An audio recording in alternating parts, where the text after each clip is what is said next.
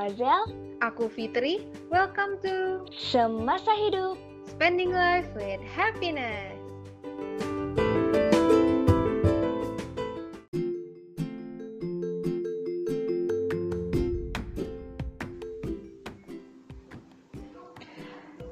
Hmm, cari pekerjaan setelah lulus kuliah ternyata nggak segampang yang dibayangin. Buat dapetinnya aja tuh susah, apalagi cari yang sesuai minat sama idealisme kita. Tapi walaupun susah, bukan berarti nggak bisa loh. Nah, di episode kali ini, Semasa Hidup bakal bahas tentang sarjana psikologi yang minatnya di bidang psikologi klinis, pendidikan, atau perkembangan atau sosial. Gimana nih ya kalau di dunia kerja? Yes, karena ngeliat rumor-rumornya itu tuh banyak yang bilang kalau misalkan cari pekerjaan di dunia klinis, pendidikan, sosial itu tuh sulit Zel. Ya sih? Yes, bener banget. Bahkan katanya kalau dapat kerja aja gajinya kayaknya kecil. Nah, kita kupas tuntas ya hari ini apakah itu benar atau salah. Yes, nah kali ini kita mau ngundang narasumber nih Zel. Keren ya? Wih, mantap semasa hidup. Luar biasa. Nah, narasumber kita ini adalah salah satu teman kita dulu di UNS, psikologi UNS, yang aduh dalam mencari pekerjaannya juga penuh struggle ya sama kayak kita. Yes, bener. Nah, kita langsung panggil aja yuk. Selamat datang, Tandri. Hai, assalamualaikum. Waalaikumsalam. Waalaikumsalam. Tandri, gimana kabarnya? Alhamdulillah sehat. Uh, sekarang aku di Purworejo nih, tinggal di Purworejo. Jadi tinggal di Purworejo, kerja di Purworejo, jadi nggak merantau lagi kayak dulu. Kayak waktu kuliah ya? Iya. Wah, Tandri, kan Ya. aku dengar-dengar kamu ini bekerja di dunia eh, bukan Pio ya. Nah, Iya. boleh dong diceritain, tapi sebelumnya boleh dulu nih perkenalan diri supaya teman-teman bisa tahu siapa sih Tandri. Iya. Oke. Eh, jadi perkenalkan namaku Tantri Fatma Utami, biasa dipanggil Tantri atau Fatma. Nah, sekarang ini nih aku tinggal di Purworejo. Letaknya di Jawa Tengah, sebelah baratnya Jogja. Nah, sekarang aku bekerja sebagai edukator di Prasetya Bangsa Islamic School di Purworejo. Kebetulan aku pegang kelas PAUD di sini dan sebagai asisten psikolognya ini Praba. Nama sekolahnya tuh Prasetya Bangsa kan, tuh disingkat menjadi Praba. Jadi aku juga sekali guru sekaligus asisten psikolognya Praba gitu. Oke, double job ya, Tandri. Iya. Itu gimana Tan ceritanya kok bisa eh, mendapatkan pekerjaan itu? Karena kan kalau dilihat-lihat susah ya, maksudnya lowongannya tuh nggak banyak. Kok bisa sih dapat kerjaan seperti itu? Boleh di-sharing? Iya. Ya itu ceritanya panjang sih ya. Jadi dulu kenapa aku bisa ada di sini? eh, ceritanya tuh setelah lulus aku kan cari-cari lowongan yang kerjanya tuh semacam kayak asisten psikolog di poli rumah sakit atau eh, di biro psikologi. Pokoknya yang kerjanya itu seputar konseling, ngetes, scoring, semacam itu. Tapi setelah aku tunggu-tunggu ternyata nggak banyak kerjaan yang kayak gitu. Ternyata ya lumayan langka juga sih. Habis Hmm. itu setelah beberapa bulan aku mulai panik nih. Kok aku belum kerja ya? Udah lama lulus tapi belum kerja. Akhirnya aku mulai cari-cari loker di internet, sosmed, ikut-ikut job fair. Pokoknya semua kerjaan yang membutuhkan S1 psikologi itu ku masukin semua. Mm-mm. Ya beberapa kali sempat dipanggil tapi eh, nggak jodoh lah ibaratnya nggak rezeki gitu. Yang dia kita apa aku dipanggil ternyata pas nggak di Solo dan lain sebagainya. Sampai akhirnya dapat lowongan dari tetangga di sini di di yayasan tempat aku kerja sekarang jadi edukator dan alhamdulillah diterima. Oh, oke oke. Hmm. Beda-beda ya tiap orang dapat lowongannya itu dari mana. Iya. Iya, kadang tidak terduga-duga ya bisa Yes, dari benar. mana Iya betul. Wah, berarti eh, selain menjadi edukator, tadi aku dengar Tandri juga sebagai asisten ya, asisten dari psikolog. Berarti yang punya eh, instansi pendidikan ini juga psikolog ya? Iya, kebetulan yang punya yayasan ini kan orang psikologi. Jadi walaupun yayasannya bergerak di bidang pendidikan, tapi beliau juga sadar gitu loh, pendidikan pun itu butuh orang psikologi. Dan kebetulan kan di yayasan ini tuh eh, pendidikannya PAUD dan SD. Nah, aku kan di PAUDnya nih. Oh, oh. Nah, itu yang punya yayasan itu tuh sadar banget gitu loh bahwa dunia PAUD itu perlu banget orang psikologi gitu. Yes, bener banget berkaitan sama tumbuh kembang anak juga ya. Iya, betul. Oke, nah Tandri, Hmm. boleh nggak diceritain kayak job desk-nya apa sih sebagai edukator dan sebagai asisten asisten psikolog? Nah, kalau di PAUD itu sih aku ngajar ya, lebih ke ngajar anak TK sih. Juga nanganin uh, ABK, soalnya sekolahku tuh sekolah inklusi. Nah, jadi uh, perannya psikologi di sini itu lebih tepatnya ke memberikan stimulus yang tepat di setiap perkembangan anak sesuai usianya dengan memperhatikan individual differences. Jadi kalau bidang lain itu kan mungkin ya konteksnya sarjana sarjana pendidikan lah ya. Itu kan memberikan stimulusnya secara umum. Mm-mm. jadi buat anak normal. Beda lagi dengan pendidikan luar biasa ya. Kalau itu kan khusus ABK aja malah. Nah kalau psikologi bisa di keduanya. Bener normal banget. bisa ABK bisa. Ya itu apa nggak luar biasa banget kayak gitu. Mantap psikologi. Iya, memang sih kalau dari segi pembuatan kurikulum, RPP dan lain-lain bidang kita tuh memang kurang. Mm-mm. Akan tetapi peran dalam proses pengajarannya itu menurutku penting banget. Oke. Hmm, iya bener-bener bener. Iya. Karena eh, nggak menutup kemungkinan juga ya, kayak kita tuh dapetin murid yang ternyata eh, belum diketahui, tapi ternyata tiba-tiba eh, punya apa ya, punya kebutuhan-kebutuhan khusus atau anak-anak ABK. Nah di situ iya, kan benar. anak psikologi udah kenal banget nih ya, karena dulu kita juga belajar tentang ciri-ciri anak-anak ABK. Ya, Wah, betul. membantu banget sih. Mm-mm, bener Mm-mm. banget. Psikologi perkembangannya jadi kepegang banget ya Tan ya. Iya, ho Jadi kita tahulah anak ini tuh, loh kok anak ini nggak sesuai dengan ini ya standar perkembangan seusianya ya. Berarti dia jangan-jangan ada kelainan. Jadi kan kita bisa merekomendasikan orang tuanya untuk konsul dan sebagainya. Hmm, keren, oke, keren, keren. Nah, kalau sebagai asisten psikolognya itu ngapain aja? Nah, kalau sebagai asisten psikolognya, kebetulan di yayasanku ini tuh, ya dia yayasan pendidikan, tapi dia juga mengadakan public service. Jadi eh, ada pendidikannya, juga ada layanan ke masyarakatnya gitu. Nah, dalam bentuk layanan psikologi. Hmm. Nah, jadi selama ini sel- sebelum ada aku, jadi eh, adanya itu semacam konseling keluarga dan anak. Nah, itu yang dipegang oleh pemilik yayasan itu sendiri. Jadi setelah aku masuk, ya aku bisa kayak mencarikan psikolog gitu, membuatkan RPP, eh kok RPP, HPP, hasil pemeriksaan psikologi format-formatnya, terus ngebantu nge-scoring juga, ngebantu bahkan yang membuatkan HPP walaupun itu dari psikolognya, tapi kita yang nyusun gitu loh ibaratnya.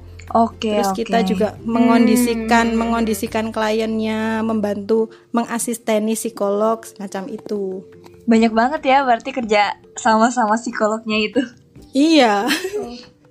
Wah, Bener, ini berarti berarti ngegambarin banget ya bahwa kalau kita jadi lulusan S1 psikologi, itu kita bisa juga loh bekerja di dunia klinis maupun pendidikan tanpa perlu harus jadi psikolog dulu. Iya, bener banget. Iya, walaupun bener banget. walaupun memang sih eh, lowongannya itu nggak banyak, tapi bisa juga gitu memungkinkan juga karena toh Ya betul. dibutuhkan gitu dalam eh, kehidupan sehari-hari khususnya kalau Tandri ini di pendidikan ya.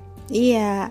Wah, nah kalau kalau kayak gini eh, gimana ya Tan? Maksudnya kadang eh, teman-teman kita gitu atau misalkan adik-adik tingkat kita yang ngerasa kalau misalkan ini tuh sulit gitu untuk dilakuin. Nah, kalau dari Tantri sendiri ada nggak sih tips-tips gimana caranya supaya tetap terus berada di apa ya di ranah atau bidang yang emang kita minati dan bisa Iya. gitu melakukan itu. Ada nggak tips-tips dari dirimu?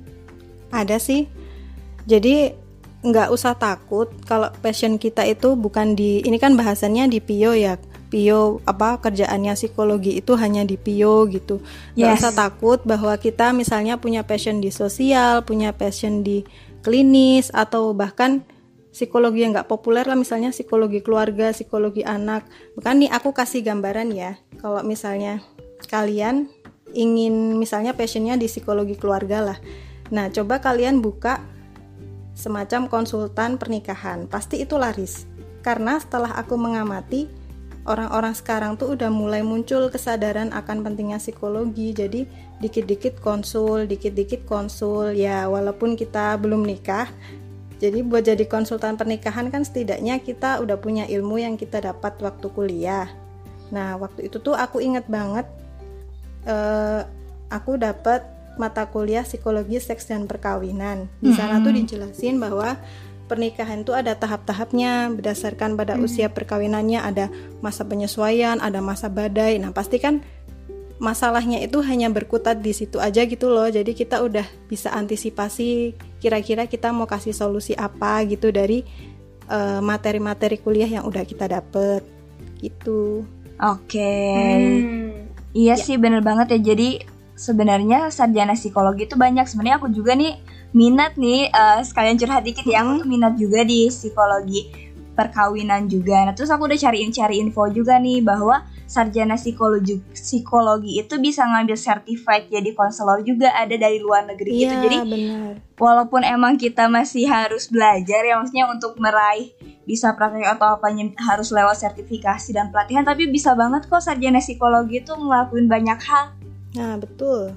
Iya, apalagi juga eh, kalau kita misalkan di posisi Tanri ya, kita kayak gabung bareng nih, kerja bareng sama psikolog, itu jadi bisa banget. Iya. Jadi kita Mm-mm. sebagai sarjana itu membantu proses berjalannya kegiatan konseling, tapi di satu sisi juga ada psikolog gitu yang jadi apa ya, ngebantu atau jadi yang ngawasin gitu ya. yes bener banget Iya, betul. Hmm.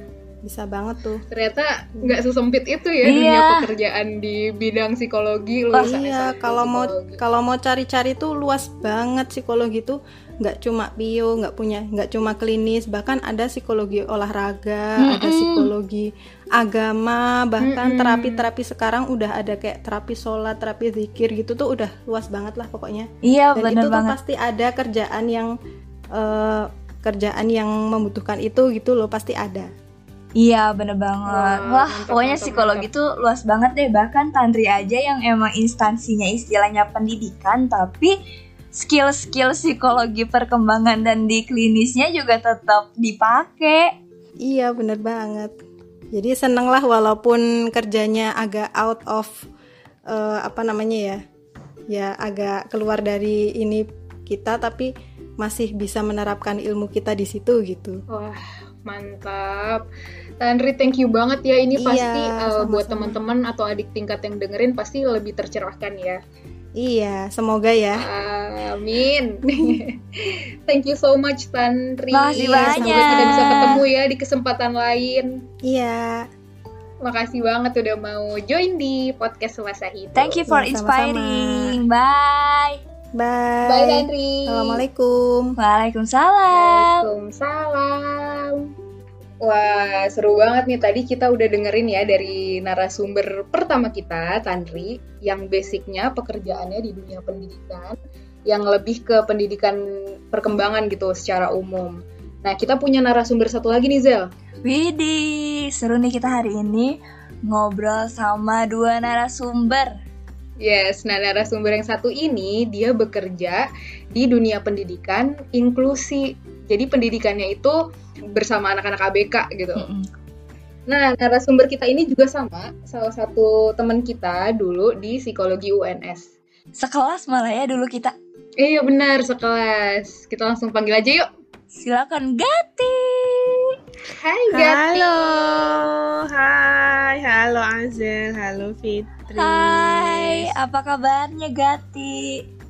Alhamdulillah lebih sehat, lebih baik, Alhamdulillah. Alhamdulillah. Gimana di sana aman? lumayan aman. Tapi di sini lagi banyak-banyaknya nih yang positif Oh, beberapa hari ini oke di kota mana sih Gat? di Kediri, kota Oh. Kediri. Balik ke rumah. Iya, balik ke Hmm, rumah Oke, sekarang. berarti asik nih ini dari daerah Jawa Timur, jadi beda-beda narasumber kita hari ini. Iya, bener-bener. Lintas Oke, oke. kota ya. iya.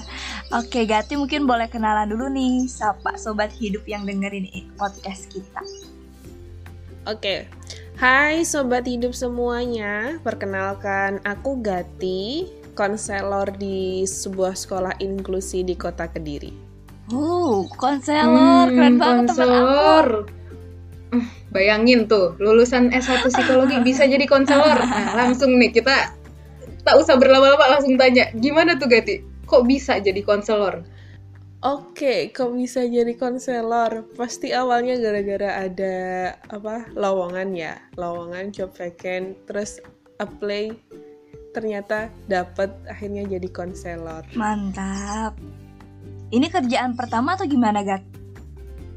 Kalau dibilang kerjaan pertama bisa jadi kerjaan pertama, cuma dulu itu eh, sebelum wisuda, jadi kayak abis kita revisian selesai, revisian skripsi nih, Mm-mm. sambil nunggu wisuda, aku pernah ditawarin kerja, kerja part time di Solo, di ABK juga. Terus tiga bulan akhirnya selesai pindah ke sini. Oke, oke. Tuh. Berarti pertama yang tetap ya, tapi Eh-eh. sebelumnya udah punya yang berbau ABK juga gitu ya. Iya, bener. Yang full time ini pertama. Oke, berarti jenjang dari lulus ke dapat kerja itu nggak lama ya, Gak? Aku sempet break ya, soalnya dulu cepat cedera, jadi aku Hmm. sempet break beberapa bulan. Abis itu ngeplay ke sini, eh langsung dapet, alhamdulillah. Alhamdulillah banget ya. Iya. One shot. Tuh kan teman-teman, nggak susah. Ya, bisa. Ada juga yang jalannya dimudahkan. Iya ada juga. Jadi nggak selalu di bidang psikologi klinis atau pendidikan perkembangan itu tuh susah nyari kerjanya ya. Iya, bener banget. Selagi, maksudnya mungkin susahnya itu susah menemukan kali ya. Mm-mm. Susah menemukan, cuma kalau misalkan kalian qualified, ya gampang-gampang aja sih menurutku. Cuma ya itu, memang agak susah untuk menemukan lowongan pekerjaan yang selain di PIO. Karena kan yang booming banget kan mesti PIO ya. Cuma ya mesti ada. Iya tuh pasti Hmm. ada teman-teman. Gati-gati, aku Ya itu. eh, tertarik Yes. banget tuh tadi Gati sempat ngomong eh, yang penting kalau kamu qualified kamu bisa gitu. Nah, qualified Heeh. di sini nih harus seperti apa sih? Ada nggak? Maksudnya dari Gati sendiri pengalaman terkait uh, mengqualifiedkan diri itu dalam proses perjalanan pencarian pekerjaannya nih kayak gimana? Kalau qualify tuh mungkin gara-gara aku dulu pernah ikut part time, terus Hmm. magang, itu tuh kayak eh, tiket emas sih, bikin kamu untuk lebih qualify di bidang Mm-mm. Keper- kesehatan, kesehatan dalam arti psikologi klinis ya, terus kemudian perkembangan pendidikan, yang bikin kamu qualify yaitu part time, nyarilah. Jadi apa magang-magang di tempat kayak gitu sejujurnya itu sangat membantu untuk bikin kamu qualify diterima di bidang ini. Yes, setuju banget sih kayak kita harus mempersiapkan dari awal ya, jangan pas Yes. nyari kerjanya ya doang gitu, pas nyari kerja tetap doang usahanya. Hmm, iya benar karena balik lagi tadi ya kayak kata Gati kalau misalnya lowongannya itu nggak banyak. Jadi once kamu dapet lowongan, pastiin bahwa diri kamu tuh qualified. Jadi eh, orang yang rekrut perusahaan apa ins- instansi yang merekrut kita itu juga eh, mau gitu jadi ngerekrut kita karena wah ini orang berarti emang punya pengalaman, qualified, ngerti Yes, di bidang banget itu. Jadi jangan menyia-nyiakan kesempatan ya. Banget. Iya bener banget. Oke, nah aku tadi tertarik juga sih Gat, kan Gasti konselor ABK nih. Nah boleh nggak diceritain kayak job desk-nya tuh apa sih? Oke, job desk-nya itu semacam pertama bikin program pengembangan siswa. Jadi tuh Mm-mm. siswanya kan namanya siswa ABK yang sekolah di sekolah umum. Oke. Mereka tuh uh, mereka tuh mau nggak mau harus ada satu waktu yang ditarik dari kelas buat ngikut kelas khusus. Kelas khususnya khusus inklusi. Ya bisa pengendaraan diri pengembangan diri. Terus habis itu tentang mungkin kalau dia lemah di kalistung kalau orang apa anak-anak slow learner kan agak lemah ya di kalistung. Yes. dia dikembangin di situ.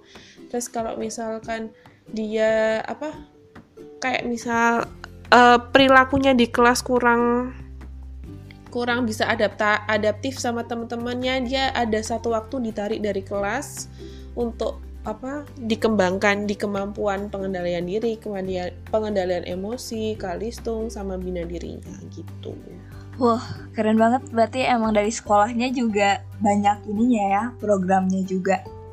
Uh -uh. Oke, nah tadi kan sebenarnya banyak banget ya Gat uh, tentang ABK ini. Nah, dari ilmu kita waktu kuliah kepake nggak sih? Terus ada nggak yang perlu dipelajari lagi nih ketika terjun di lapangan yang nggak dipelajari di kuliah?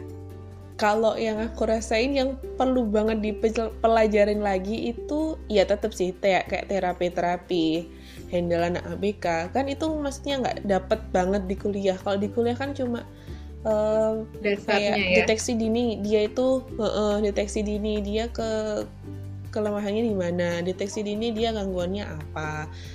Itu ke kepake banget. Terus kemudian kayak konseling itu juga kepake banget. Hmm ya ya. sih. oh iya karena konselor juga ya jadi teknik konseling juga kepake. Uh, kepake. Oke. Okay. terus kalau Gati sendiri waktu proses belajarnya gimana sih? Karena kan tadi dibilang ya ada yang nggak dipelajari juga waktu kuliah. Nah kebetulan kalau di sekolah aku itu ada beberapa buku buku panduan. Terus kemudian untuk penanganannya gimana? Ada sendiri kan dari yang dulu-dulu gitu. Terus ada juga uh, kita tuh di kayak difasilitasi sekolah buat ikut seminar. Kita buat updating ilmu tuh difasilitasi banget alhamdulillahnya gitu. Hmm. terus baca banyak tetap kayak update update di jurnal itu tetap perlu banget sih. Hmm, salah satu update jurnal itu berarti skill yang didapat dulu kita pas kuliah juga ya, pas ngerjain skripsi. Bener-bener sempet lupa itu disebutin. Iya, oh, kayak baca iya. jurnal. Iya bener-bener. Jadi buat teman-teman yang lagi struggle skripsi, kalian bermanfaat kok nantinya tenang. Iya bener, bener. Karena di dunia kerja juga sama ya, kita tuh nggak berhenti belajar. Benar, belajar tuh bukan lulus di waktu pas lulus wisuda aja ya, tapi setelah bekerja pun pas kita kerja juga penting gitu untuk upgrade ilmu. Iya benar. Eh Gati, ah, aku kepikiran konselor ABK-nya itu di sekolahnya Gati doang atau ada partner yang lain?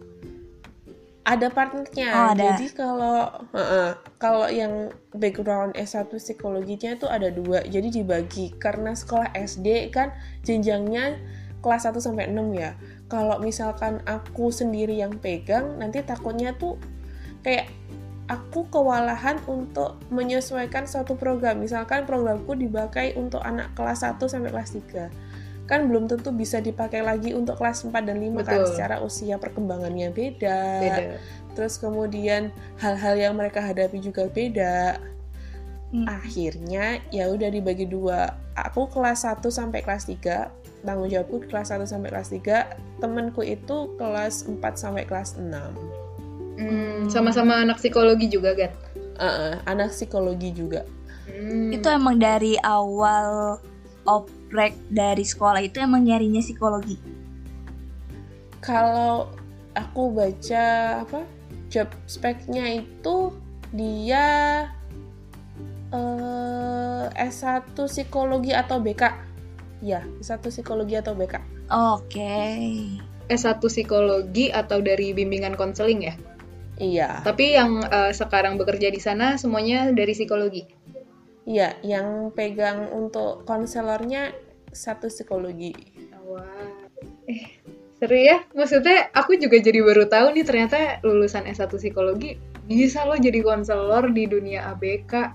Iya, yes, anak benar. berkebutuhan yes. khusus di sekolah inklusi gitu. Mm -mm, karena aku waktu awal dengar Gati di sekolah inklusi itu kirain jadi guru pendamping karena kan kalau guru pendamping yang ada di kelas itu karena ternyata aku baru tahu juga bisa jadi konselor. Iya, Heeh, jadi sekolahku tuh ada konselor sendiri. Jadi tuh uh, sejujurnya di sekolah tuh bilangnya psikolog sekolah ya. Cuma aku nggak pernah bilang ke orang-orang kalau aku tuh psikolog sekolah. Takutnya tuh mispersepsi. Mm-mm. Benar. Kan kalau di kita di kita tuh psikolog kan udah S2. Mm-mm. Yes. Nah, kan aku S1. Akhirnya aku kalau ditanyain kerjanya di mana mesti bilangnya konselor. Oh, alright, alright. Wah, bener-bener. Iya, iya, iya. Oke. Eh Gati aku mau nanya nih. Heeh. Kan eh, waktu rumor-rumor zaman kuliah tuh bilangnya udah jangan kerja di klinis, jangan kerja di pendidikan, gajinya kecil. Jadi tuh orang-orang pada dari awal lulus tuh kayak ya udahlah aku minat ini tuh pas kuliah aja tapi pas kerja pindah dulu ke yang lain. Nah, itu secara umum Mm-mm. mitos atau fakta sih, Gat? mitos apa fakta ya? Eh, bergantung nek kalau menurutku gaji kecil enggaknya bergantung kamu tuh lembaganya di mana gitu. Di kota in di satu di satu kota sama yang lain kan beda otomatis ya pendapatannya berapa UMR-nya berapa. Itu ngaruh banget sih. Cuma kalau di sini alhamdulillah cukup lah kalau di total sekalian sama tunjangan bla bla bla di atas UMR kok Oke. Oh. Tuh teman-teman, kabar baik, kabar baik. Kabar baik, guys. aku nggak pernah bilang maksudnya lebih besar Pio atau lebih besar klinis ya bergantung tempat kalian kerja di mana kalau misalkan kalian kerja pendidikan misalkan di lembaga yang di bidang pendidikan atau klinis di Jakarta tapi Pio-nya di Solo kan otomatis beda banget kan pendapatannya juga Yes. Benar. Alright. Hmm, Wah, ini menarik banget ya. Maksudnya informasi yang baru bahkan aku pun gitu juga kayak baru tahu baru tahu gitu. Wow, ternyata bisa sejauh ini juga gitu variasinya, nggak cuma yang kayak ya udah jadi guru atau misalkan eh, apa namanya jadi guru pendamping yang kayak tadi Azel bilang, tapi ternyata jadi konselor pun juga bisa gitu. Iya benar, karena kan dua narasumber kita tadi semuanya dari Mm-mm. pendidikan, tapi ternyata Mm-mm. beda juga teh, gitu. Iya. Mm-mm, di- Wow. Oh ini jadi insight baru, semoga adik-adik kita mendengar. Amin Yes. Nah, aku pengen eh, tanya nih, Gat. Kan Mhm. tadi eh, apa namanya? Kita tahu ya kalau misalkan lowongan atau kesempatan posisi-posisi pekerjaan di dunia ini tuh emang sedikit, nggak sebanyak Pio di mana perusahaan Mhm. itu banyak banget gitu. Mm-mm. Mungkin kalau misalkan kita udah tahu nih, oh emang dikit nih eh, lowongannya. Kira-kira. Eh, Gati punya nggak nih tips-tips buat teman-teman yang ngedengerin atau buat adik-adik kita yang kalau emang mereka tetap tertarik gitu, mereka pokoknya tertarik banget di dunia ini dan pengen bekerja di dunia ini, eh, ada nggak tips-tips yang gimana caranya supaya ketika ada lowongan mereka tuh bener-bener bisa maksimal gitu? Oke, tipsnya tetap yang aku bilang tadi, qualify dirimu kayak dirimu tuh jadi ikut apa? Jadi orang yang bagus lah, orang yang kompeten di bidang ini. Kalau memang kamu pengen passionnya di sini, misalkan ikut course, course itu course kan kan misalkan aku backgroundnya di ABK ya, ABK mesti nggak bisa jauh dari terapi, misalkan. Nah, itu bisa sewaktu sam- eh, waktu liburan semester kayak atau waktu magang carilah lembaga-lembaga yang benar-benar concern di hal itu. Kayak lembaga pelatihan buat anak-anak ABK, lembaga pendidikan buat anak-anak ABK, itu sudah banyak banget. Sekarang tuh kayak awareness-nya kan semakin tinggi ya. Betul. Jadi tuh eh, lembaga-lembaga yang ngurusin atau melatih anak-anak ABK agar lebih maksimal tuh juga banyak banget. Nah, pinter-pinter lah ketika kamu masih kuliah, itu nyari lembaga-lembaga itu buat ikut magang kayak, terus kemudian ikut part-time kah, gitu. Terus eh, kan sekarang juga banyak banget ya, kayak webinar-webinar, terus kemudian zaman belum pandemi sih masa, masih banyak banget seminar, kayak how to deal with ABK, Hmm. itu bisa banget diikuti, gitu. Hmm, wah ternyata banyak cara ya untuk menuju mimpi kita gitu. Jadi kalau misalkan emang eh, teman-teman atau adik-adik eh, kita punya mimpi gitu, punya cita-cita buat bekerja atau menggeluti dunia klinis, anak-anak berkebutuhan khusus, ketika dihadapin sama wah baru lulus nih, aduh masa masih jadi beban orang tua sih, aku pengennya kerja nih. Nah ketika kita kebi maksudnya kayak kebingungan gitu harus kerja di satu sisi tapi susah nih nyari lowongannya ternyata ada tips-tips atau trik-trik untuk kita tuh bisa gitu tetap uh, bekerja dan sesuai dengan mimpi yang kita pengen. Yes, benar. Be qualified ya. Iya. yeah. Yang paling penting itu sih be qualified. Penting banget. Iya. Okay. Hebat ya seru banget ih. Ah, hebat banget ngasih insight Episode kita kali ini. ah, thank you banget Gati udah mau sama-sama join kita. bareng sama kita. Sama-sama Azel. Makasih banyak. Sukses ya buat semasa hidupnya. Iya, sobat sobat hidup apa apa sih? Iya. Sobat hidup benar. iya, thank you sobat Gati. hidup. Yuk. Sehat-sehat dan sukses selalu ya. Kita kapan-kapan ketemu di lain kesempatan. Amin. Amin, amin. Setelah amin, corona amin. ini segera selesai. Amin. Amin. Aku kangen Solo tahu. Sama. Oke, okay, semoga kita bisa bertemu lagi di Solo ya. Dan bisa Amin. berbagi cerita lagi. Bye guys. Siap, siap, siap. Bye. Wah seru banget dua pembicara kita ini benar-benar kayak ngasih insight yang baru juga bahkan buat kitanya ya Teh. Iya bener, aku juga benar-benar baru tahu sih kalau ternyata ada macam-macam pekerjaan gitu di dunia klinis maupun pendidikan. Yes, bener. Nah, sekarang giliran aku mm-hmm. mau menanya-nanya kepada Pite. Oke, okay, nah Teh, dulu kan kita mm-hmm. sempat banyak konflik internal juga ya ketika mau dapat kerja. Bener. Nah, waktu dari sejak lulus ke dapat hmm. pekerjaan kira-kira itu waktunya berapa lama Teh kalau kamu? Kalau aku pribadi tuh sebenarnya uh, menuju dapat pekerjaannya tuh cukup lama bisa mm-hmm. kayak enam bulanan lebih gitu. Karena uh, dulu aku tuh sempet kan uh, niatnya nih emang bener-bener idealismenya tuh udah klinis banget deh. Pokoknya klinis pokoknya di luar pio deh. Karena aku dulu pas kuliah pun juga nggak tertarik di dunia psikologi industri organisasi. Terus hmm. pada akhirnya aku lumayan desperate karena kayak wah ini beneran lowongannya tuh yang banyak tuh pio yang di tempat-tempat lain kayak gitu-gitu tuh kayak dikit banget. Ya udah akhirnya aku mencoba nih mencoba buat daftar ke Pio sampai di tahap wawancara itu aku masih ngejalanin tapi pas ditanyain nih urusan pas di wawancara orang kan harusnya mem mem membaguskan diri gitu ya yes, supaya yes. diterima. Tapi justru aku di situ nggak ngerti kenapa secara nggak sadar aku tuh malah ngomong sama uh, interviewernya kalau enggak aku nanti pengennya sih kuliah lagi aku tuh suka banget klinis. Kayak Fitri tolong ini lagi wawancara kenapa malah ngasih tahu kayak gitu? Tapi nggak tahu kenapa itu secara nggak sadar sih. Dan pada mm -hmm. akhirnya aku sadar kalau misalkan oh emang aku tuh passionnya tuh bukan di situ gitu. Jadi yes. walaupun sulit ya udah dikejar aja gitu. Toh itu yang bikin lo bahagia fit gitu. Ya udah akhirnya mm -hmm. aku cari-cari cari-carinya pun juga uh, karena tahu susah ya jadi aku nyarinya tuh bukan dari lowongan Zel Yeah. Tapi aku cari lewat eh, kegiatan-kegiatan yang kayak Gati sharing tadi, ikut seminar dan lain-lain. Nah, pas aku ikut seminar, aku dengar wah ternyata ada dunia pendidikan untuk uh, stimulasi anak usia dini.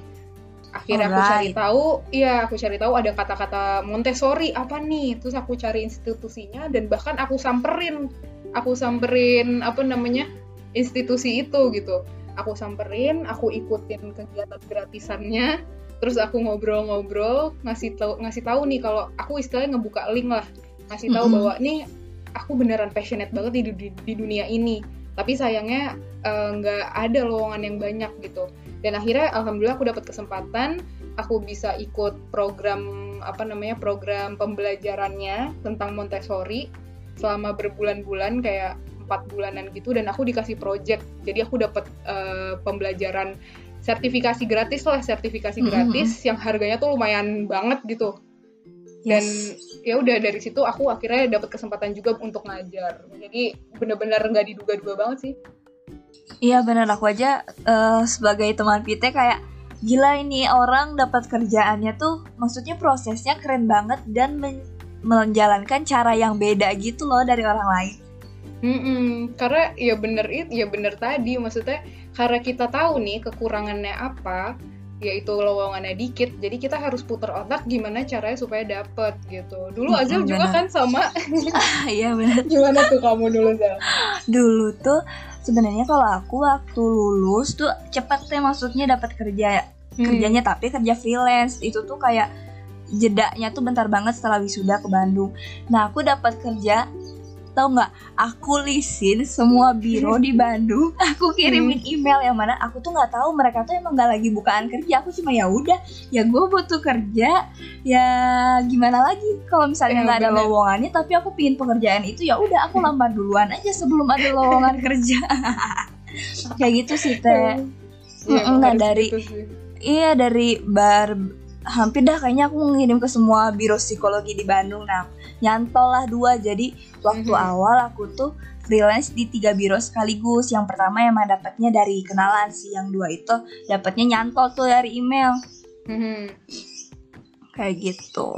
Jadi ya memang sih teh eh, aku juga ngerasain bahwa ketika nyarinya itu di web-web kayak Jobstreet kayak gitu-gitu tuh itu minim banget. Makanya kita harus mencoba cari cara lain. Benar. Dan sesuai banget tuh tadi kalau misalkan kita harus uh, buat diri kita qualified kayak kemarin aku sempat ikut seminarnya dan lain-lain sebagainya, ikut volunteering bahkan. Pokoknya uh, apa ya me- menyibukkan diri lah gitu. Jadi ketika kita ketemu sama kesempatan, kesempatan yang tak terduga-duga, kita tuh Mhm. bisa deliver gitu bahwa I'm really uh, passionate in this uh, kind of job gitu. Jadi uh, mereka pun juga ngeliat gitu, oh nih anak emang beneran gitu nggak bercanda. ya Jadi bener why not gitu gue terima dan kita kerja bareng. Oke, ini juga sih teh Hmm. waktu kan aku awal dapat freelance tuh lumayan cepet juga ya. Nah, aku ngerasanya sih karena ya akunya berperan aktif buat nyari, terus juga Hmm. karena waktu kuliah kan aku ikut ULAPSI terus jadi asisten dosen. Nah, yang hal-hal kayak gitu tuh kayaknya tuh emang menarik banget gitu loh buat buat para recruiter kayak gitu. Dan Bener. walaupun aku freelance, maksudnya ya udah karena aku emang suka kegiatannya, aku jalanin aja waktu itu waktu awal aku emang nggak terlalu uh, fokus harus dapat uang bulanan yang tetap kayak gitu sih teh. Nah Hmm. walaupun freelance itu tuh ngaruh banget tuh. Jadi waktu setelah freelance akhirnya kayak aku memutuskan oke kayaknya aku harus cari kerja deh gitu maksudnya cari kerja yang tetap itu tuh ya eh, keterimanya cepet juga karena ya aku mikirnya ya mungkin karena aku punya pengalaman ini teh kayak gitu jadi nothing yang sia-sia sih kayak gitu Bener, J- iya iya setuju setuju. Mm-mm. Nah kalau aku sendiri, nah aku agak kalau Pite kan berarti di satu pekerjaan itu masih ini ya teh langgeng dari awal. Mm-mm. Sebenarnya Iya. aku sempet sih sempet tergoda Ah. Zel waktu itu. Oh, Jadi eh, setelah aku ikutin program pendidikan Montessori-nya, trainingnya Mm-mm. itu, itu kan cukup lumayan lama ya, kayak sekian bulan gitu. mm-mm. Nah itu eh, aku sempet ditawarin karena kan setelah setelah itu selesai, jadi aku tuh dapat project buat bikin modul tentang Montessori dan aku dapat pelatihannya. Nah setelah dari situ kan galau juga tuh kayak wah ketika nih project kelar, gue nggak punya nggak ada kegiatan apa-apa lain gitu nggak ada yang lain yes. dan di sekolahnya mereka pun juga nggak lagi buka gitu ten- eh, oprek guru gitu. Mm-mm. Nah terus akhirnya eh, sempatlah ditawarin untuk kerja di eh, suatu perusahaan eh, tempat permainan anak. Di, Jadi Mm-mm. kayak di mall-mall gitu kan biasanya ada tuh tempat bermain playground anak gitu. Nah, Ya. itu ditawarin untuk itu ya di situ. Tapi eh, syaratnya itu mau ditempatin di berbagai kota. Jadi kayak eh, apa nomaden ya, kayak pindah-pindah gitu. Nah dari situ eh, galau nih. Aduh, nggak sesuai sama nilai-nilai pribadi aku, sama keluarga juga nggak sesuai gitu, nggak dibolehin. Pada akhirnya galau kan. Padahal itu bener-bener yang aku pengenin banget Zel kayak di dunia Yes. anak kreativitas Mm-mm. dan menantang banget gitu bener-bener bisa develop diri banget tapi balik lagi kita kan juga menyesuaikan diri ya sama eh, nilai-nilai keluarga dan juga eh, possibility lah gitu ya pada akhirnya aku usaha gitu aku balik lagi ke tempat itu aku mencoba untuk eh, sharing-sharing dan pada akhirnya mereka eh, oprek gitu untuk guru dan akhirnya aku masuk dan sampai sekarang sih ngajar Mm-mm. dan juga berkecimpung di dunia pendidikan itu. Oke, pada ini kalau kitanya bersikeras juga pasti aja ada jalan ya teh. Bener, itu sih yang aku pelaj- yang aku dapetin banget kalau emang bener-bener eh, taruh diri pasang badan di apa yang kita percaya itu insya Allah dapet sih insya Allah didukung gitu sama alam dan juga Tuhan. Ih, iya banget. Kalau Azal ada juga tuh pengalaman terkait itu. Iya, tapi teh aku cerita sedikit dulu. Hmm. Kalau aku lumayan ganti-ganti nih kerjaannya, jadi waktu awal kan Wah, iya. freelance ya freelance di tiga biro terus udah Hmm. udah itu eh, aku jadi sempat jadi kepala sekolah lah nah, nah kan aku berarti dap- bisa juga ya jadi kepala sekolah. bisa bisa bisa. Eh, karena sarjana psikologi juga ya secara nggak langsung kan dia tahu tentang tumbuh kembang anak nah makanya bisa juga nih sarjana psikologi nah aku dapat Mm-mm. yang lowongan se- kepala sekolah itu lama eh, lowongannya tuh dari ibuku karena kan ibuku guru PAUD jadi Mm-mm. eh si share shareannya itu tuh lewat grup WA ya aku balik lagi aku nggak dapetin itu lowongan dari aku nyari di web kayak gitu karena emang jarang banget sih yang nge-share di web-web gitu. Nah udah itu eh, jadi kepala sekolah lah. Cuman ya bla bla bla bla bla aku merasa eh, kurang cocok. Terus ada nih temanku yang di biro dulu kayak ngabarin kalau lagi ada suatu kli- klinik tumbuh kembang anak nyari buat jadi terapis ABK Mhm. pas banget akhirnya aku daftar. Nah pas sudah daftar juga langsung keterima karena ya mungkin aku nangkep karena dianya juga ngomong sendiri karena nge- dia ngelihat aku tuh punya pengalaman di bidang anak teh dari sejak Hmm. aku lulus ke di biro pun kan emang kegiatannya beberapa stimulasi tumbuh kembang anak. Terus juga jadi kepala sekolah di dunia anak. Nah makanya emang ketika kitanya ketikanya ketika kita ada pengalaman itu tuh yang buat menarik jadi mereka. Nah makanya aku langsung keterima di terapis ABK akhirnya di situ udah sampai sekarang gitu. Wah, cukup ini ya, cukup panjang kisahnya untuk iya. berada di posisi sekarang. iya benar. Tuh tadi yang Pita bilang juga yang kayak kadang tuh semesta tuh mendukung ya teh. Kan aku sempat Bener. waktu yang di klinik tumbuh kembang anak ini aku eh, selesai kerja tuh pas pandemi ini nah terus aku bingung Hmm. nih aku harus gimana galau lagi gitu aku apakah aku harus pindah ke Pio atau aku tuh harus kayak ngelanjutin aja gitu di bidang ini lagi nah Hmm. akhirnya Oh, pas pandemi ini berarti stop ya di klinik. iya Maksudnya mm, kegiatan di klinik tuh stop semasa pandemi. Yes bener nah terus kan eh Galau banget tuh gimana? Iya, galau banget kayak aku pingin nyari kerjaan lain, tapi bingung juga ini harus harus memperjuangkan yang sama atau atau pindah gitu loh, pindah-pindah Hmm, aluran. haluan. Iya itu sampai bener-bener galau banget. Terus aku konseling sama psikolog, terus dia juga bilang kalau misalnya e, kamu suka ya nggak apa-apa kejar aja gitu. Semesta tuh nanti pasti mendukung kayak yang tadi Vita bilang. Dan tau Hmm. sih beneran besoknya aku dihubungin sama klienku dulu kayak dia minta aku ngasih terapi gitu di rumahnya kayak wah gila kayak ya diduga-duga pasti ada banget. jalannya. Hmm, berarti langsung di langsung dikontak sama ini ya klien dulu yang ada di klinik Mm-mm. itu. Iya bener banget Terus makanya. akhirnya gimana tuh Zel kamu ngembangin eh, ininya sendiri, jalan Oke. sendiri as a individual. Kalau yang eh, karena kalau sekarang sih aku fokusnya masih ke klien klienku maksudnya klien yang dulu kalau misalnya emang ada yang minta aku kasih tapi tetap ya maksudnya kalau untuk proses kayak evaluasi aku tetap kerja sama sama psikolog karena kan ya backgroundnya S1 psikologi itu belum bisa ya teh maksudnya kayak Mm-mm. ini udah cukup ini diagnosanya gimana itu kan nggak bisa. Jadi aku kerja sama Hmm. cuman nih dari aku pribadi pingin ngembangin lagi tapi aku lagi melalui proses lagi banyak ikut course-course gitu sih teh eh, course-course yang berkaitan sama dunia terapi kayak gitu. Balik lagi nih Hmm. kayak tadi yang narsum-narsum kita bilang itu tuh penting banget di dunia kerja tuh kita kayak tetap harus belajar. Nah makanya aku kan aku di dunia terapi. Nah waktu kuliah sendiri kan ya tau lah teh ya kita nggak terlalu banyak gitu ya. Maksudnya bahas tentang terapi nah Iya. makanya aku juga eh, sekarang lagi fokus dulu buat ngambil beberapa pelatihan kayak gitu dan kebetulan lagi pandemi jadi kalau kamu mau ngambil dari luar negeri juga banyak kok yang online kayak gitu yang open benar-benar. Jadi Mm-mm. menarik sih, menarik banget nih kisahnya Azel. Jadi ketika kita itu apa ya, benar-benar eh, passionate, benar-benar eh, apa ya, berpegang pada apa yang kita suka, apa yang kita Mm-mm. sukai banget gitu. Itu tuh ternyata jalannya tuh banyak gitu. Ketika di Yes. satu momen oke keputus nih eh, apa namanya dunia pekerjaan kita di institusi tertentu. Ternyata kalau emang kita udah punya pengalaman, klien pun juga merasa apa ya, merasa cocok gitu sama apa yang kita Yes. lakuin, jasa yang kita berikan, itu bisa aja berjalan gitu. Jadi Iya, benar-benar menutup kemungkinan.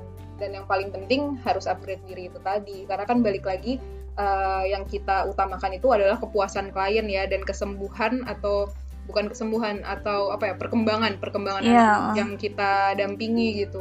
Eh keren eh Yes, bener banget. Tadi aku sempat kepikiran juga sih sama upgrade diri. Kan Mhm. eh, Peter tuh di dunia pendidikan ya teh. Sedangkan kan Mhm. waktu kuliah juga nggak ya cara ngajar gitu-gitu kan nggak dipelajarin ya. Hmm, Nah, terus sekali. Eh, eh, gimana nih cara Pite eh, survive gitu di dunia pekerjaan? Nah, jadi eh, bener sih, dulu pas kuliah itu kan namanya kita kuliah, waktunya terbatas 4 tahun, jadi yang kita pelajarin tuh ya basically il- ilmu, ya teori, ilmu, praktek tuh kayaknya sekian persen aja gitu. Nah, jadi Mm-mm. kita tuh eh, harus sadarin dulu diri kita gitu, ketika kita ada di dunia kerja, di mana eh, praktek sehari-hari itu lebih diutamakan, lebih dibutuhkan, kita harus sadar, oh oke basicnya nih udah tahu, berarti gimana caranya ilmu basic itu bisa kita aplikasikan di eh, realita kehidupan Mm-mm. atau teknisnya gitu kan. Nah, Yes. akhirnya aku eh, ini sih terbantu banget juga sama pengalaman eh, trainingnya itu, training di dunia Montessori itu. Oh Tapi ya, yang empat, di lain- empat bulan itu ya? Iya benar, tapi di lain itu juga upgrade diri tuh tetap penting gitu karena ba- balik Yes. lagi pokoknya semua itu balik sih kalau misalkan apa yang kita dapetin itu tuh harus kita olah lagi. Jadi ketika kita mendapatkan sesuatu kita harus keluarin juga. Karena ketika aku bener-bener yang kayak ambil kesempatan, oke gue mau ngajar, aku mau jadi guru, itu di praktek pengalaman menjadi guru itu tuh trial and error juga ada gitu. Nggak mulus langsung bisa kok teman-teman. pasti ada struggle-nya, pasti ada eh, wah ternyata eh, apa mendampingi anak tuh pakai cara ini kurang. Oke, cari lagi buka buku, sharing sama mentor, tanya-tanya sama eh, orang-orang yang berpengalaman di dunia itu dan itu akhirnya jadi ngebuat eh, lebih kaya sih ilmu yang kita punya. Mm-mm. Jadi never stop learning ya teh? Iya benar, never stop learning tuh benar banget sih. Kita harus uh, belajar terus karena pasti tantangan-tantangan di dunia pekerjaan tuh akan selalu ada. Tapi Iya kalau misalkan kita bisa uh, ngambil hikmahnya, kita bisa proses gimana cara supaya menanganinya dengan baik gitu dengan ilmu-ilmu yang ada, pasti kita bisa survive sih.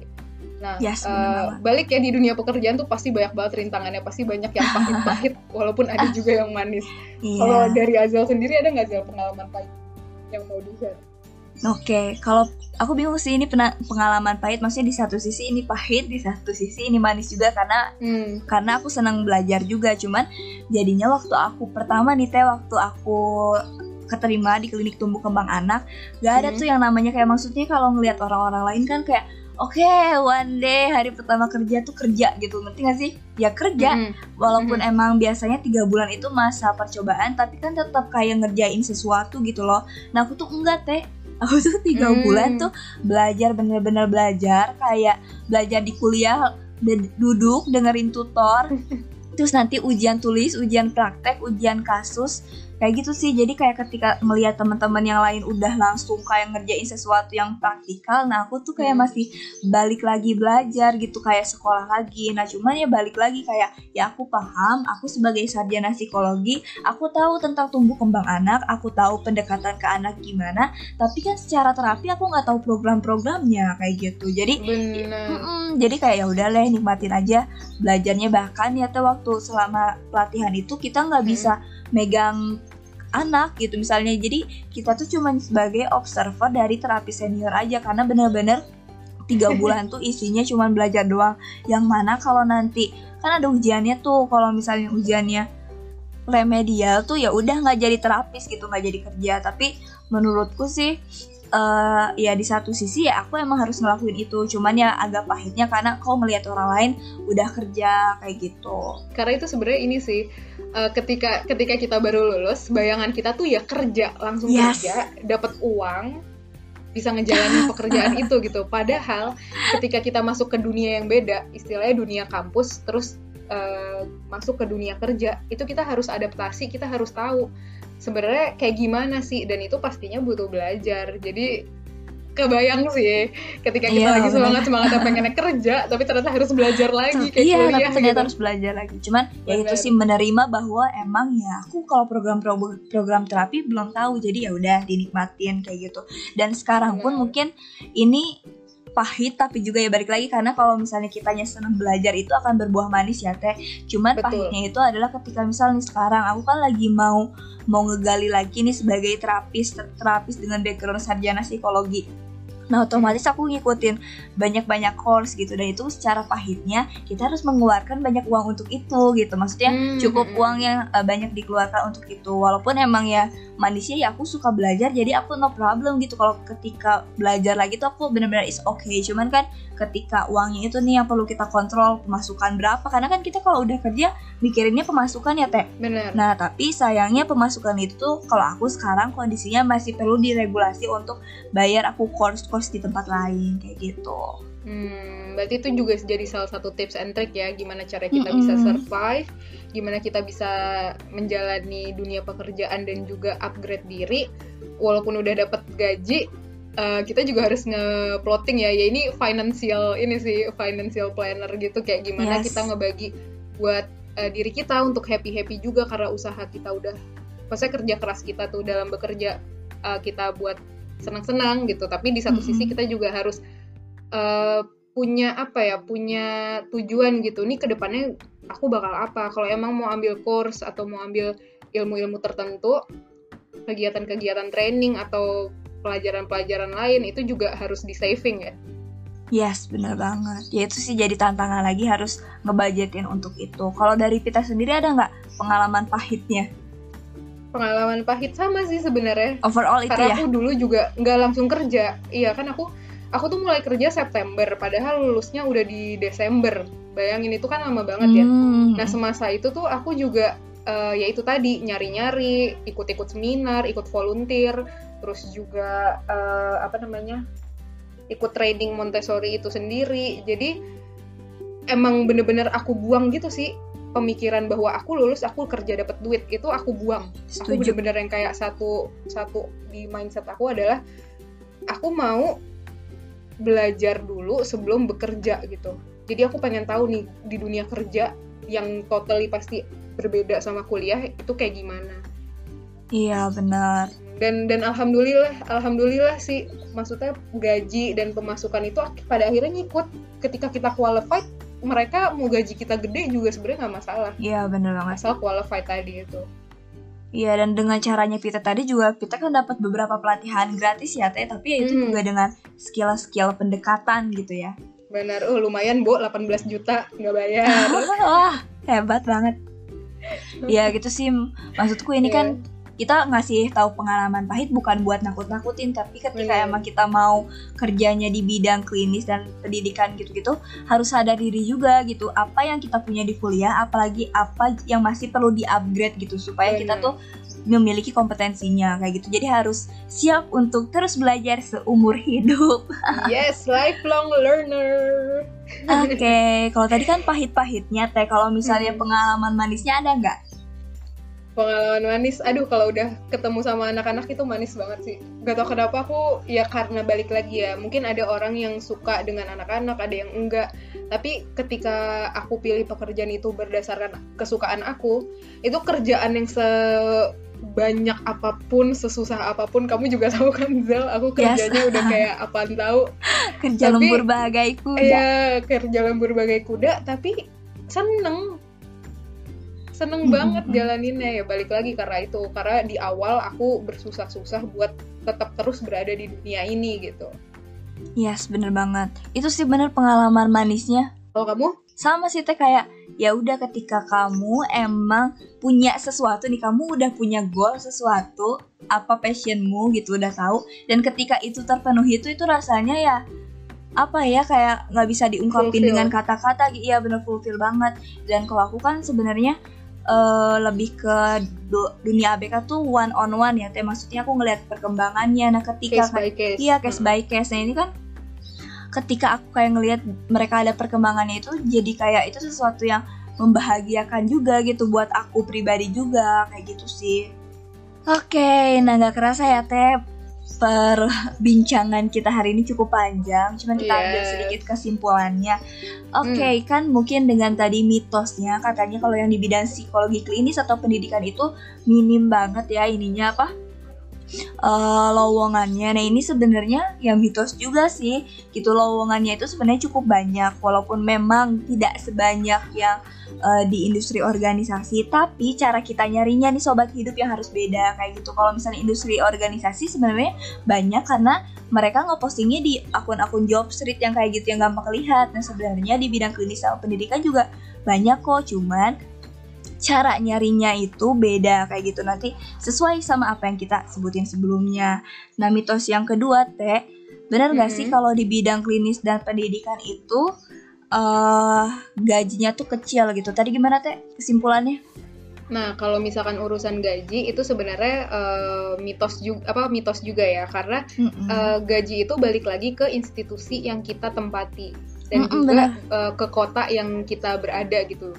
Yes. Jadi uh, it's not about uh, bidangnya sih. Jadi lebih mm -hmm. ke di mana kita terus seberapa, seberapa jauh juga kemampuan kita untuk mem, me, ber, apa ya me, berpartisipasi di perusahaan itu. Iya benar banget. Gaji tuh ngikut deh pasti iya, kalau kita sesuai sama kompetensi kita ya yes benar sesuai sama kompetensi kita jadi itu mitos ya yes oke. Okay. nah terakhir mungkin uh, dari kita dulu nih mau ngobrol apa ke sobat hidup semua.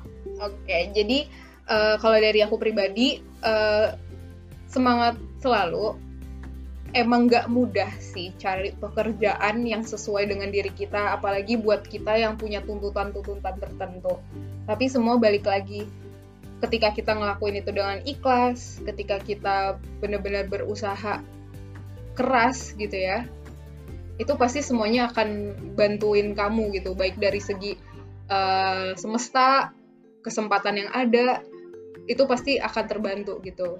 Jadi stay stay sane stay happy terus berbuat baik insya Allah ketemu jalan ya Yes, bener banget. Aku setuju banget nih sama Pite dan yang paling penting lagi supaya ketemu jalannya kita juga harus berusaha. Nah, berusahanya itu bukan cuman pas nyari kerja aja sebenarnya, tapi hmm. bisa juga dibekali dari sebelum sebelum lulus kuliah, dari awal lulus dengan ikut course-course. Nah, itu tuh bener-bener kebantu banget. Dan mungkin kalau misalnya untuk teman-teman yang saat ini tuh kayak belum bisa teh uh, ngikutin passionnya karena misal ya untuk saat ini rezekinya uh, di bidang lain karena yang uh, dikejar emang dari segi hmm. finansialnya dulu karena misal ada tanggungan lainnya. Itu tuh menurutku sih is okay. Itu balik lagi ke teman-teman masing-masing. Tapi mungkin uh, bisa dibarengi juga dengan passion lain. Karena aku sendiri aku udah aku punya planning juga sih ketika misal aku harus pindah bidang tapi aku bisa ikutan hal lain untuk tetap istilahnya tuh memberi makan keinginanku gitu loh. Nah aku kalau aku kan sebenarnya ikut uh, sebagai konselor volunteer konselor psikologi juga ya peer konselor psikologi nah itu tuh bisa jadi salah satu agenda lain kayak gitu sih jadi ini balik lagi disesuaikan sama kondisi yang sobat hidup jalanin masing-masing tapi pasti ada jalannya kok Wah, gitu. kayaknya udah cukup ya, cukup panjang yes. dan semoga membantu. Mm -hmm. Jadi kita sudahi dulu podcast untuk episode kali ini. Semangat terus buat teman-teman. Semangat, dah. Ketemu lagi di podcast selanjutnya. Bye. Bye bye.